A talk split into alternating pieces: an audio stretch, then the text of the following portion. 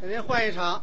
刚才是两位老先生哎，刘文步、王文林，二位，让他们两位下去休息一下。对，我们爷儿俩呢，给大家表演段相声，是有熟悉的，有不熟悉的。啊，有有衍生的。我是相声界的一个小学生，后起之秀，郭德纲，秀是秀了好些年了，反正嗯，到今天也干了二十多年了，是啊，很惭愧啊，怎么了？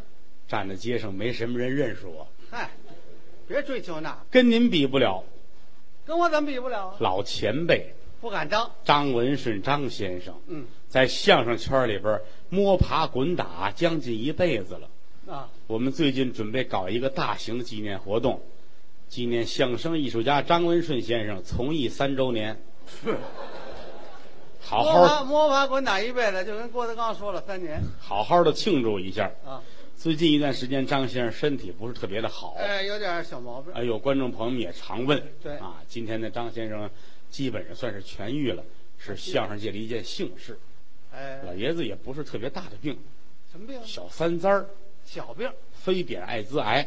这三样都受不了，这这三样哪样都活不了，最近喝点酸梅汤倒是见好，这叫鸡尾酒疗法，哎， 这治艾滋病啊，这个所以今天把张先生接出来保外就医呢，不是我们，你这话都闹得我。从我的心啊，法院接出来叫保外就医，您医院接出来不叫保外就医，不叫保外就医这，叫家庭病床，家庭病床，哎希望老先生健康长寿，咱们共同的，活一百岁才好呢，你都希望那样。三百岁、嗯五百岁、一千岁，哦，嗯，一千岁的老艺术家多壮观呢！是啊，到时候我领着孩子看您去，啊，看看这就是那张文顺啊，啊，你看还动呢，你看还动，你看，嗯嗯，别摸，咬着你，是吧？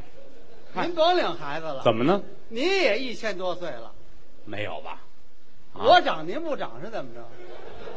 再说你留神旁边那个小个儿，那是逗哏 的，对不啊对？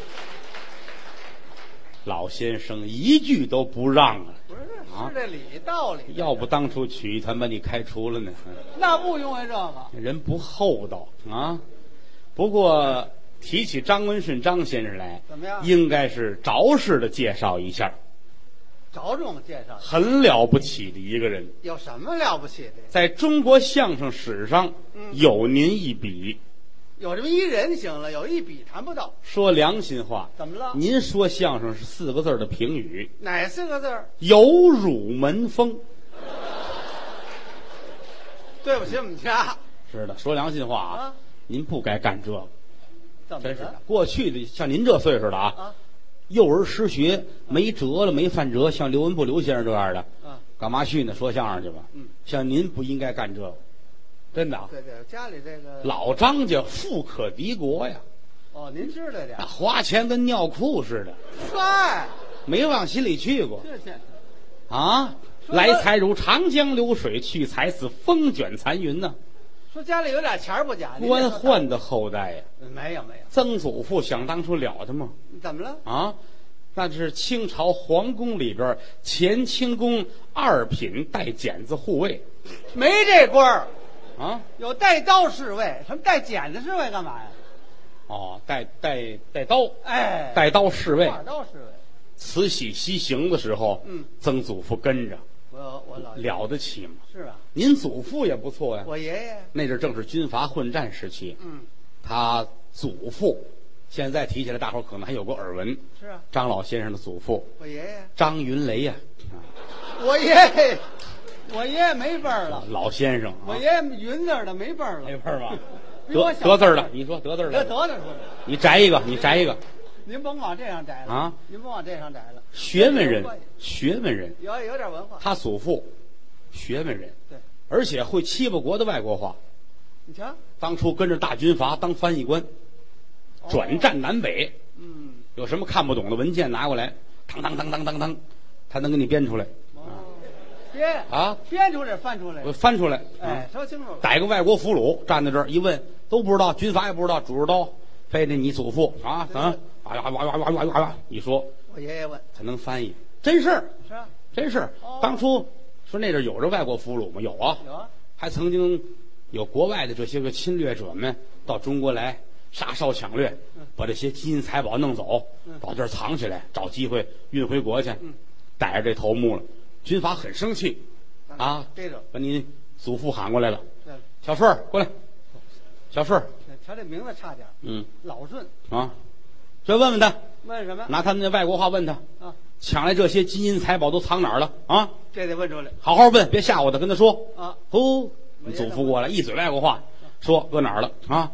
不说，马上就枪毙了你，把你剐了，把你宰了，嗯，吓坏了，赶紧说吧，埋哪儿了？怎么能找着？说的倍儿详细，哦，都交代了。你祖父回来告诉军阀，怎么说？他要求马上枪毙他啊啊我爷把这钱眯起来了，啊！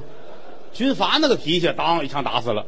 晚上没事儿你祖父扛个铁锹，今天没有事儿啊，行，先去跑跑地儿啊啊！把这点钱挖回来。啊，老张家富可敌国，钱都这么来的我。们家是这么来的钱，缺德不缺德呀？到您父亲那更了不起我爸爸了，呢？大伙儿是没见过他们老爷子，啊已经去世了啊，嗯，活到今天也得四十来岁，你算他属狗，我六十多，我爸爸四十多呀。嗯那个什么哪个呀？啊，哪个呀？我爸还要活着，一百了。活都一百岁了啊，一百岁也这么大个儿了吧？啊对，没有，差不甭有多，个儿，甭有个儿，差不多，活着将近一百了。了不起，嗯，吃喝玩乐一辈子。也是。好，说这人干过一天活儿没有？哎呀没有啊，出了茶馆进饭店，出了饭店澡堂子，嗯一天到晚吃喝玩乐，有我爷爷蒙了俩钱儿，够啊他兜的。长在澡堂子里边，哟，一天到晚跟那泡着，就好洗澡。呵，头一水儿，行头一个下水啊，行，说这池子里边下齐人了，完了不洗了，不洗，他得头一个这叫什么呀？洁癖。啊，伙计们都等着他来了，嗯脱完衣裳下池子，就上来了，这个啊凉啊，这兑热的啊，这个下这池子，温度不对不不洗。这个啊这这兑点凉的这个啊，行完了行差不多了，行啊，开门吧，让客人都进来吧啊。我爸爸是早看澡堂子，再放水。啊，放水这澡吧？堂子值班的这是不是，这这势力大呀，什么势力啊？势力大，跟这里待一天，是吧？这 想是想睡会儿就睡会儿，这睡醒自个儿就吃，叫盘炒饼吃，一会儿掏出一苹果来，池子里洗去。干脆您就说我爸爸澡堂值班的完了，这玩意儿干嘛？了不起，要怎么了不起啊？了不起！吃喝玩乐，人这一辈子没白活，哦，没白活啊！是说实在，平时逢年过节，老张家花钱看着眼运，我们家咱们都花过钱，是啊。跟人家比那不叫花那钱。我们家过年怎么花钱？甭说过年啊，这一年从立春开始，嚯，月月想着开动脑筋，怎么能够把钱花出去？我们家有钱。我们你家这立春怎么讲究？立春，咱们立春弄点薄饼、和菜，啊对，炒点鸡蛋嗯，切点什么肘花，弄点什么酱肉，嗯一卷吃。人老张家我们家还吃肘花不哦吃，酱肉不要，行，谁还炒鸡蛋呢？那人老张家炒鹌鹑蛋，一人来一鹌鹑蛋，呵，烙一大饼一 卷，啊这么大饼一个鹌鹑蛋，啊！他爸爸还说呢，啊哦我不吃花儿，我不吃刨了花儿，黄没东西了。我不吃花儿，嗯。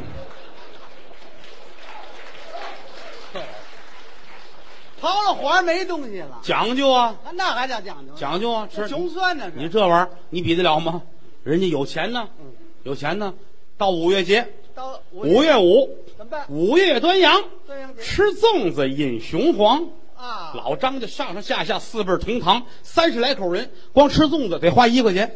呵，你这玩意儿啊，一块钱粽子呀？不是你爸爸说了，这年的吃多了啊，拽着心里难受啊。来一个剥开了，搁碟子里，大伙儿举着饽饽就着啊。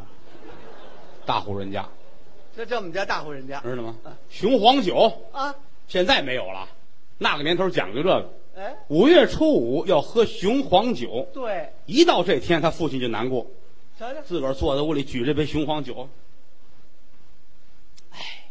嘿，我爸爸喝雄黄酒干嘛难过呀？那阵儿你小时候你也问过，哎嗯，这怎么回事？你怎么又哭了对啊？哎，来上这儿来，你也不小了，嗯家里有的事儿也得告诉你了。哦，我讨个大说我是你爸爸，啊这不用这么客气啊，就是我爸爸就完了。我看外边人都这么，我讨个大我是你哥哥啊，那得分谁啊这地儿不用，哦，还加错了，你是不是？啊，我我就算是你父亲啊，什么算着的？哪儿捏零碎啊？这是我爸爸就完了。咱家有点事儿啊。每到五月端午啊，我心里就不是滋味儿。那为什么呢？一到五月端午，我就想起你母亲来了。我妈你也小，你也没见过你妈。跟这日子有什么关系，你妈不是咱们北京人呐，是哪儿的人呢？四川峨眉人。哇，你有个二姨哦，叫小青。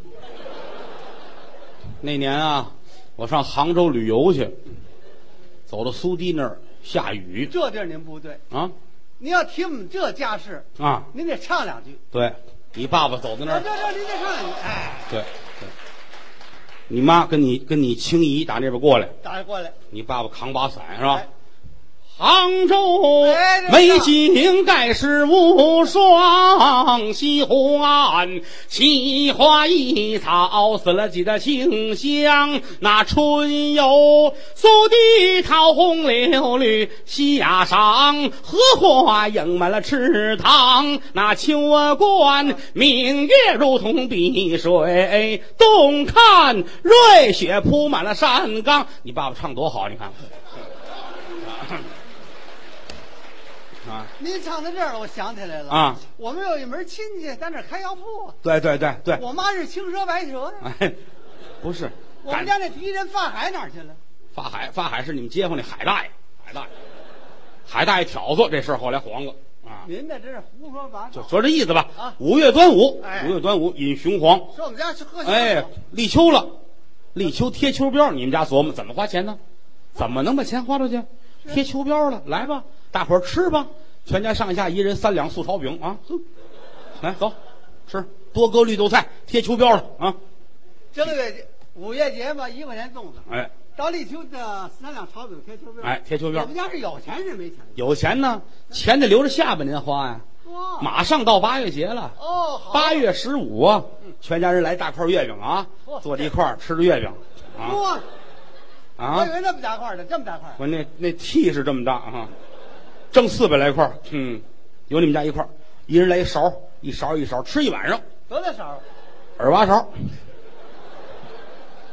吃吃，发现， 我发现您这不是说我们家不是吃月饼，你们家人都吃腻了，那齁甜的，谁吃那玩意儿啊？关键这天是你你你外祖父的生日，你姥爷八月十五的生你日说我姥爷跟兔儿爷一出生，你说啊，八月十五了，你姥爷坐正当中嗯，孩子们都坐底下啊，姥爷很高兴，你知道吗啊？你们都来了啊，好啊， 来的好啊，嗯啊还捋捋耳朵，你啊 啊，来好啊，高兴，来吧，大伙儿该吃吃，该喝喝吧啊。你父亲挺高兴我，吧给您拜寿，八月十五，啊我给您唱一京剧啊，《武家皮》啊。我爸爸能唱两口。啊，八月十五把寿拜啊！好我八月十五把寿拜。唱刚唱一句，你姥爷 怎么了？满屋子都是血，吐的，呜，咣叽死了。等出殡的时候，你这几个舅舅都不哭，这为什么呢？不能哭啊！怎么了？一哭，姐夫说咱们学他呀，啊只有我爸爸上戏。嗯，这好听啊。嗨，八月节花钱，要是一进了腊月，那了不得了。怎么了？从腊八开始啊，腊八家家泡蒜，咱们家有一瓶儿两瓶儿撑死了嗯。老张家上下四十来人，还得雇五个人一块儿剥蒜，我们家节约一年了，这钱都年月化。是剥剥剥蒜，剥完都泡到瓶子里边，都弄好了，剥完一车一车拉蒜皮儿，啊，这那瓶蒜皮儿，蒜皮儿得往外清啊，对，我听啊，都剥好了，一瓶儿一瓶儿剥完的就，调料厂来人都拉走了，啊，我们家给腊八厂啊，腊八做加工的，嗯，哦我们做外活。完是熬腊八粥，头号的大锅，呵，江米啊、红枣啊、栗子呀、黄米、大米、小米、腐乳、韭菜花儿、酱豆不腐是，这怎么凹咸啊这种？熬熬完之后一喝，呵，行，连锅都扔了吧，回去吧，嗯，怎么了？不是味儿。那能是味儿吗？这个这个花钱都起哄，起哄，真正得到年下，啊爷爷，北京人是最讲究过年的了。对，过这年年下时候老张家啊，啊花钱还了得吗？是吧啊，屋里屋外各种的果品、各种东西都摆满了是。啊，三十晚上北京人有个传说，什么全神下界，对，有供观音的，有供财神的，供什么都有啊。啊他们家供拉登啊，嗨，供上面啊您呀，您说错了啊我们家呀，点上这灯，那叫对灯节儿，把灯都拉上嘛，与拉节儿没关系。把灯都拉上嘛哎拉花儿点供桌摆着什么蜡签儿、香炉，哎猪头啊摆着什么大公鸡，对上供的。按说还应该有这童男童女儿，是没弄。你跟你姐姐都穿好了，一边站一个，活人也不错。这多好对。到后面儿踩碎，现在说这可能不不知道了。过去有芝麻，筋儿扔到院里边儿对，一踩，嘎吱嘎吱嘎吱嘎吱，哎，是不是？没错儿，风俗习惯，踩这个一听这声音，呵，这一年顺利，很痛快。哎，可你们家光踩这个已经不解恨了，那怎么 办？踩碎玻璃，也不是哪儿收拾那些碎玻璃到院里边啊。你爸爸把鞋脱了，把袜子脱了，哗哗哗哗，街坊都站着喊好，哼，好，太好了，好，咦，好好，咦，啊哎，咦，这个啊呀您说的不全，怎么呢？踩这时候要放音乐，对， 对不对？对对对一边踩我爸一边跳。对对对对完了还嘿嘿，对嘿哎对对对嘿对这他妈气功呢，他他印象深，你知道吗？这他妈是假气功，不是不是，这是那是踩碎了风俗习惯，这闪退街坊不白看呢，三毛的五毛的给扔。干，你们今儿俩捡，谢谢啊，谢谢，费气费气，谢谢。谢谢还啊是气功。一直等到年三十儿，大年三十十二点啊怎么样煮吧，头号大锅水嘎啦嘎啦开，这边什么辣椒油这都准备好了嗯，煮吧，拖着盘子过来啊，煮饺子炸豆腐、火烧、肠子啊、肺啊、骨这都花煮，哼，大鼻子这骚气是吧？嗯年三十嘛，嗯这这这第二天赶厂店，我们卖卤煮火烧去，哎，是不是这意思？卤煮干嘛？哎我们家不煮饺子，我们家啊煮卤煮。不就说这意思？哎，老张家拿钱没当过回事儿，还没当回事儿呢，啊没花过钱，没当过大方啊这一啊！年也没花两块钱呢。夜里十二点，啊，夜里十二点，门口小孩儿们连要饭的都满了，啊站门口敲牛胯，我要钱嗯。门一开，你们老爷子出来，一掏一大把零钱，都是换的，特意换的啊啊，一块钱一个大钢镚儿，一抓抓一捧，咵一撒，大伙儿都捡都，捡一边捡一边骂街。说什么呀？哎，这你爸爸那是钱上都拴着红绳子，又蹬回来了。缺了得了都。再来啊，第二回又来了啊，哗，玩儿嘛是吧？啊，招骂吧，都知道张善人嘛，张大善人就这善呢？啊，这是这是好诙谐。哎，平时该花钱也花钱哦，该花钱花钱，存自行车不不跟人划价，你知道吗？该给也得给两毛钱不管讲，啊。说良心话，一扫听张老爷子，没人不知道的。知道什么呀？京城首富首富就这模样啊！啊，首您富别这儿现世了，对第一个第一个开车就是他爸爸开什么车？啊，私家车。啊过过去私人拥有汽车可能吗？不可能啊！他们老爷头一个，我们家有那个车那方向盘都纯银的，啊，你们看的方向都圆的，人家是长的，纯银。你看，这到头有个把儿弯下来，有俩胶皮套。您看错了。嘟您说这是狗福特、手福特呢？说清楚点。这什么核桃？这是这啊，叫手福，连说都不会话。啊这叫手扶手垃圾。 不是没比那个比那个好，德国机器送菜的，啊，嘟嘟嘟嘟嘟嘟，多有身份！北京城第一台手机，他爸爸的。哎，那会儿那阵儿那阵儿用手机那是不可想象的事儿，当然了，没有现在这这么精巧，那时候这么大个儿，比这大，跟板砖似的，啊，有印象吧？也不是还都拿个小包拎着，沉着呢啊，都拎着啊。 我我为什么肩膀那样？肩膀就这么压的，那哎就手机坠的啊，拎着出去，走哪儿显摆啊？无论走哪儿，掏出来吃饭也是搁桌子上搁着，啊，上菜都没地儿，您把那砖往那边挪挪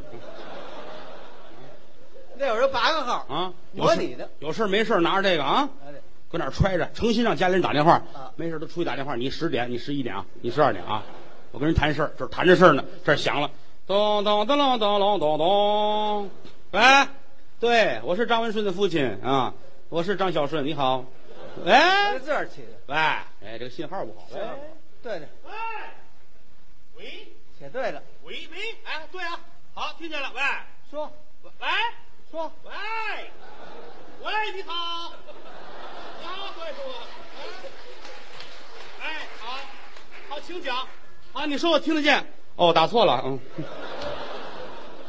这手机不是折腾我爸就吗？这么有钱，你知道吗？冬天，冬天咱们戴那帽子，怎么样？现如今谁要有一海龙的帽子，只有十几万、二十几万吧，对，对吧白大楼这一年卖二十四万，是不是？他父亲那个比这个强之万倍。他们老爷子戴那帽子，翡翠的，那哪我们那个？这朗他关键要那个颜色，知道吗？嗯，赞青碧绿，脑门儿都绿了，知道吗？我爸爸也是有钱不吃不喝，给自个儿买一绿帽子。啊，他要这要这劲头啊，是，要劲头啊！政府有规定，红绿灯以下，你爸爸不能跟那儿站着，扰乱交通。俩绿灯，你看了吗？知道吗？穿衣裳，一日三开箱，有一日三开箱啊，换三回。一天换三回。呵，同样的衣服啊，这件衣裳一做做三件儿，是绣的花儿不一样。哦，早晨起来这件啊，这是一花骨朵儿，包括的中午换了换一件儿，这花开了；盛开，晚上又换一件儿，这花朵儿谢了，瞧瞧多讲究！讲究早晨这是一大饼，嗯啊，啊，中午呢？中午是一薄脆，晚上是套煎饼。这个钱没有白花的，啊，钱没白花，最了不起的，了是你什么你爸爸代表，我爸代表怎么着？别人代表带一块，你爸爸腰里系根绳子，一带带一串儿怎么带？从这儿带。狼琴、欧米伽、埃尔金、麦克纳、金个套、银个套、铜个套、铁个套、金三只、银三只、物理文、横的里、人头狗、贝儿钱、双草的、单草的、有为里为德为伯地。左手拿着提梁子，右手拿半木杠，头顶座钟，怀揣大挂表，未曾走豆，叮当乱响。这是给钟小富搬家。 你怎么知道的？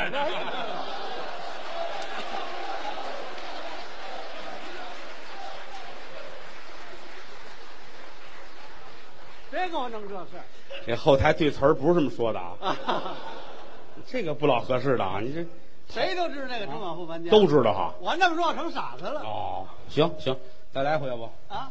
再来一回，我这里边是这有遥控是怎你么这着自啊？动的，这个今天人来的不少，哎，大年初三、图个热闹，初三、初四、初五、初六、初七，哎，每天都有演出演五。天除夕之后呢，还是从周五开始，周五的晚上，周六、周日的下午。好，另外这段时间呢，请密切注意我们的演出信息，有几个专场我们精心安排的，包括失传曲目专场、失传曲种专场、王牌快板的两个专场啊，都将在近期举行。对呃希望大家呢常来，有时间您就来，没时间呢，大伙人把票钱送来啊。你也财迷，后台来说，嗯、今天大伙儿都挺高兴，过年了嘛，对，尤其是李菁，李菁这两天特别高兴。怎么了？这个说点李菁的实事儿吧，是啊，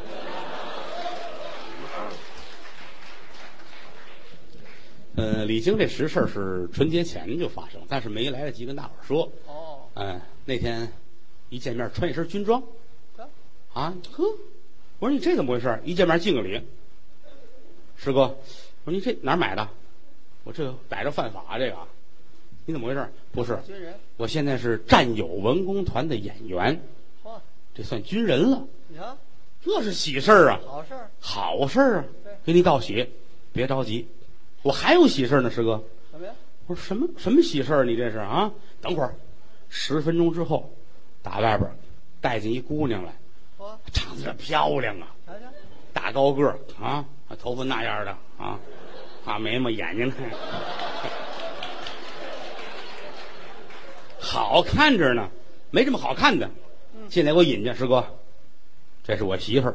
哟，我说这这不知道啊，嗨，结婚没告诉我，我说这谁？这我媳妇儿。呵，你我说你先来，你先来，来啊你先。什么什么？不是，你给坐坐下，坐下，坐下，来，给倒杯水，倒杯水，倒杯水不干净，啊！不是你没言语是啊嗯，我们得热闹热闹啊，对啊是不是啊？得请你们吃一顿呢。没事儿，我们这也没想惊动大伙儿，已经结婚了，这是喜事儿。就是几人我说李菁嗯，双喜临门，啊？这可得好好的喝一回酒，对，大伙儿一块儿聚一聚。他说这不算，我还有喜事儿呢。有，我穿上军装了，娶了媳妇儿了，你还有喜事儿？还有什么呀？什么事儿？我买了一套楼上楼下的房子，复试，复式。行，我说多少钱啊嗯？反正是先交了一十二万，一个月呢还三千。哟，我说你这个挑费可高了，嗯，你是刚穿上军装，刚进团，你一月没这么些个收入啊。嗯外边演出你这个三十一场，三十一场的这哪也三十了，也有四十的哈。他什么呀？什么是挣回来？你甭管了。当初买房时，我媳妇儿就说了，包在她身上。呵，又赶上一娘家有钱的媳妇儿，你说这是好事儿嘿？三喜临门呢哦啊啊！三喜临门，嗯，四喜。我说怎么呢？我还买车了呢。哦，车都买了，先交一六万块钱，先开着，一月还两千。我说你一月这五千多块钱，这挑费可高。我媳妇儿说了，不用我着急，她都包了。瞧，你说这好事都让人家遇上你了这家叫啊！媳妇儿又漂亮，她自己又穿上军装了，而且来说媳妇儿家还有钱。啊，瞧，你说这是不是好事儿啊？太好了李菁做的也很不错， 哦，非常疼这个夫人，很爱护她。嗯，平时出来进去很照顾。哎，那天出去演出去，我们到昌平李文山李先生那儿去演出，演完回北京就十二点多了，我们都走，他也回家了。一上楼呢，一开开门呢，媳妇儿睡觉了。李菁这点做的真是一个好丈夫，没开灯，怕搅和媳妇儿睡觉，对，把门悄悄的关上，来到床边，偷偷的，哎，慢慢的把这身军装脱了，哦，哎，轻轻的上床。对这媳妇儿说话了：“哎呀，您才回来，头疼的厉害，家里没药了。哎呀，脑袋疼的都快裂了。别着急，我给你买去啊，赶紧穿衣裳，没打啵儿啊，穿上衣裳下楼，马路对过就是一一个药店，对，啊，要那散利痛，治脑袋疼的药有没有啊？有。哎，你不李菁吗？人都认识他，都认识他。说相声，你不李菁吗？是我呀。我给你道喜啊！听说你进战友文工团了， 那是啊这回行了。不过我有点事儿不明白啊，怎么不明白？这战友文工团怎么穿消防队的衣裳？嗯，你换了，不对呀、刚才脱的时候是啊，有啊，不是这事儿啊！啊，这么一会儿就错了，哎，这裤腿儿也长啊，这个。个儿也高啊，这怎么回事？不对，从植物学的角度说，这出事儿了。从哪儿说的不对？唰，往家跑，往这跑，这回顾不得了，咣把门撞开，嘣儿吧灯弄亮了，傻了。怎么了？床上俩人，哦，这边是他媳妇儿，这边有一男的，看这个头啊，跟刘毅那么壮，咋的？光着膀子，那儿坐着撇着大嘴瞧着，不服。李菁多文弱的人都坚持不住了，哼，奸夫淫妇啊！啊，狗男女啊！我我宰了你们！刚一瞪眼，媳妇儿说：“呸，叫你要疯啊？怎么了？你还知道好歹吗？谁替你每月还那车钱？谁替你每月还这房钱？哦，你作死呢？”李菁一听这话啊，火都到这儿了对啊，来到跟前一挽袖子，冲这男的啪就一嘴巴，还不穿上点儿，一来就冻感冒了，你。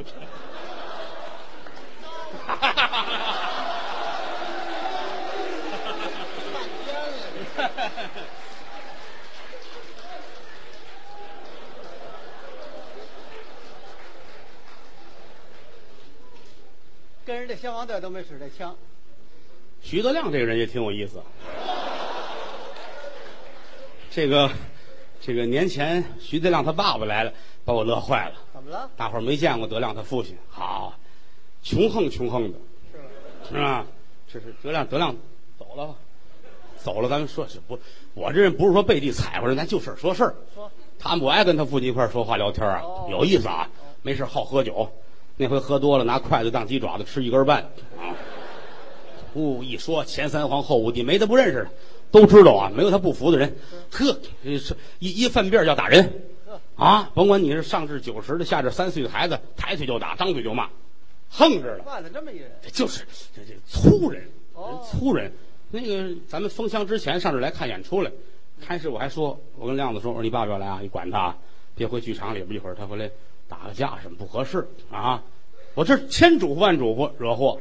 怎么了？快演出了，人剧场前面那个那个那那工作的孩子们找我来，郭老师您看看去吧。怎么了？你们嗯后台那徐德亮他爸爸太不像话了啊，也也也也没有这样的，我们管不了他。我说怎么了？哎，人都那儿坐着听相声，他非躺那椅子上、那桌子上，把脚踩在凳子上啊，这样。我们说您别这样。我说他说什么？哼！我说这人横也没有这样横的啊。是啊，我说你们让别人管着去，我不能出面，不合适啊，知道吗？那个剧场那保安去了，您您您怎么回事？您别这样行吗？踩上，嗯，多讨厌！就躺那，就这张桌子，嗯，躺讨厌，知道吗？经理都出来了，您您别这样，您后台徐德亮是您父亲，你你徐德亮父亲是吧？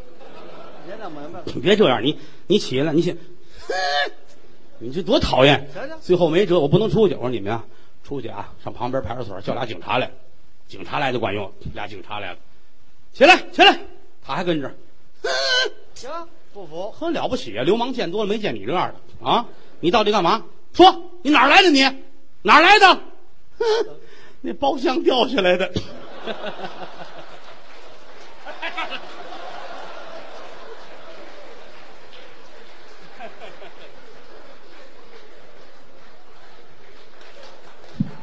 摔的，这个相声越来越难说了。说谁谁都不干。谁不在啊？谁不在啊？刘毅不在是吧？刘毅真有意思，你知道吗？刘毅他妈我见过一回，跟徐德亮他爸爸这都是算怪人，是吧？刘毅他妈这胖啊，脑袋跟这灯笼似的，知道吗？还要化个妆没事儿你知道吗？每次抹粉三五十斤那么抹啊，化好了那好看，没什么好看，也胖，有这么胖过？他那裙子，夏天那裙子往这一搁，他不穿上啊，你不知道干嘛用的，你知道吗？瞧瞧，你不知道干嘛用的。哎呀，没有这么胖的人，我劝过他，我说您不能这样啊，您这太胖了，该减肥了。您这个岁数说实在的，您这胖什么时候算一站呢？没事儿，这算什么呀？啊，我这不才四百来斤吗？我哎呀，要了亲命了！我说您得注意，该减肥减肥，没事儿您活动活动。不听，当然了啊，也有悲观的时候。怎么了哎？呦，有一次碰见李经理媳妇儿了，啊，哦，一瞧人家这呵，长得身条都挺不错的嗯，哎，大姨她母亲很自卑。你瞧人家长成那样，我长成这样啊，那怎么办呢？不活着了吧？想自杀别这样，啊，想想摸电门死。嘿，一琢磨这么胖，得用多少电呢？那就是费电。喝毒药，那个三五百片也不管用啊，啊，药力不够怎么那办怎呢？么办呢？是啊，跳井去，北京城没井啊。那有井井口也下不去。啊，奔大兴对，奔大兴，真有一大井，大枯井。哦，他母亲很高兴，天也晚了，我今儿死这儿了吧？往下一蹦，你看井口卡腰上了，正好，这一卡卡一宿。早晨天亮了，有人出来吓一跳，这地里上什么肥了，长这么大胖子？卡那儿了。找四个小伙子拿着杠子往外抬，人上来井口卡腰上了啊！我劝他，我说您去锻炼锻炼去吧，跑步，嗯，跑不了。哎呀，你找着别的办法也行啊。后来不谁教给他的？徐德亮他爸爸教给他的吧？怎么办？这几家都有穿户，你知道吗？出去骑马练骑马去，延庆那有那马场，他母亲去跑骑马，还挺贵，呵，那当然了。不便宜了，骑马，骑每每每礼拜都去一次，骑两天，哎，挺高挺好，倒是健瘦。是啊，啊，那天又去了，一进门站那儿乐，哼，这马场什么马场？管理员过来，马场里面还有骆驼？不是，这上次您骑那马。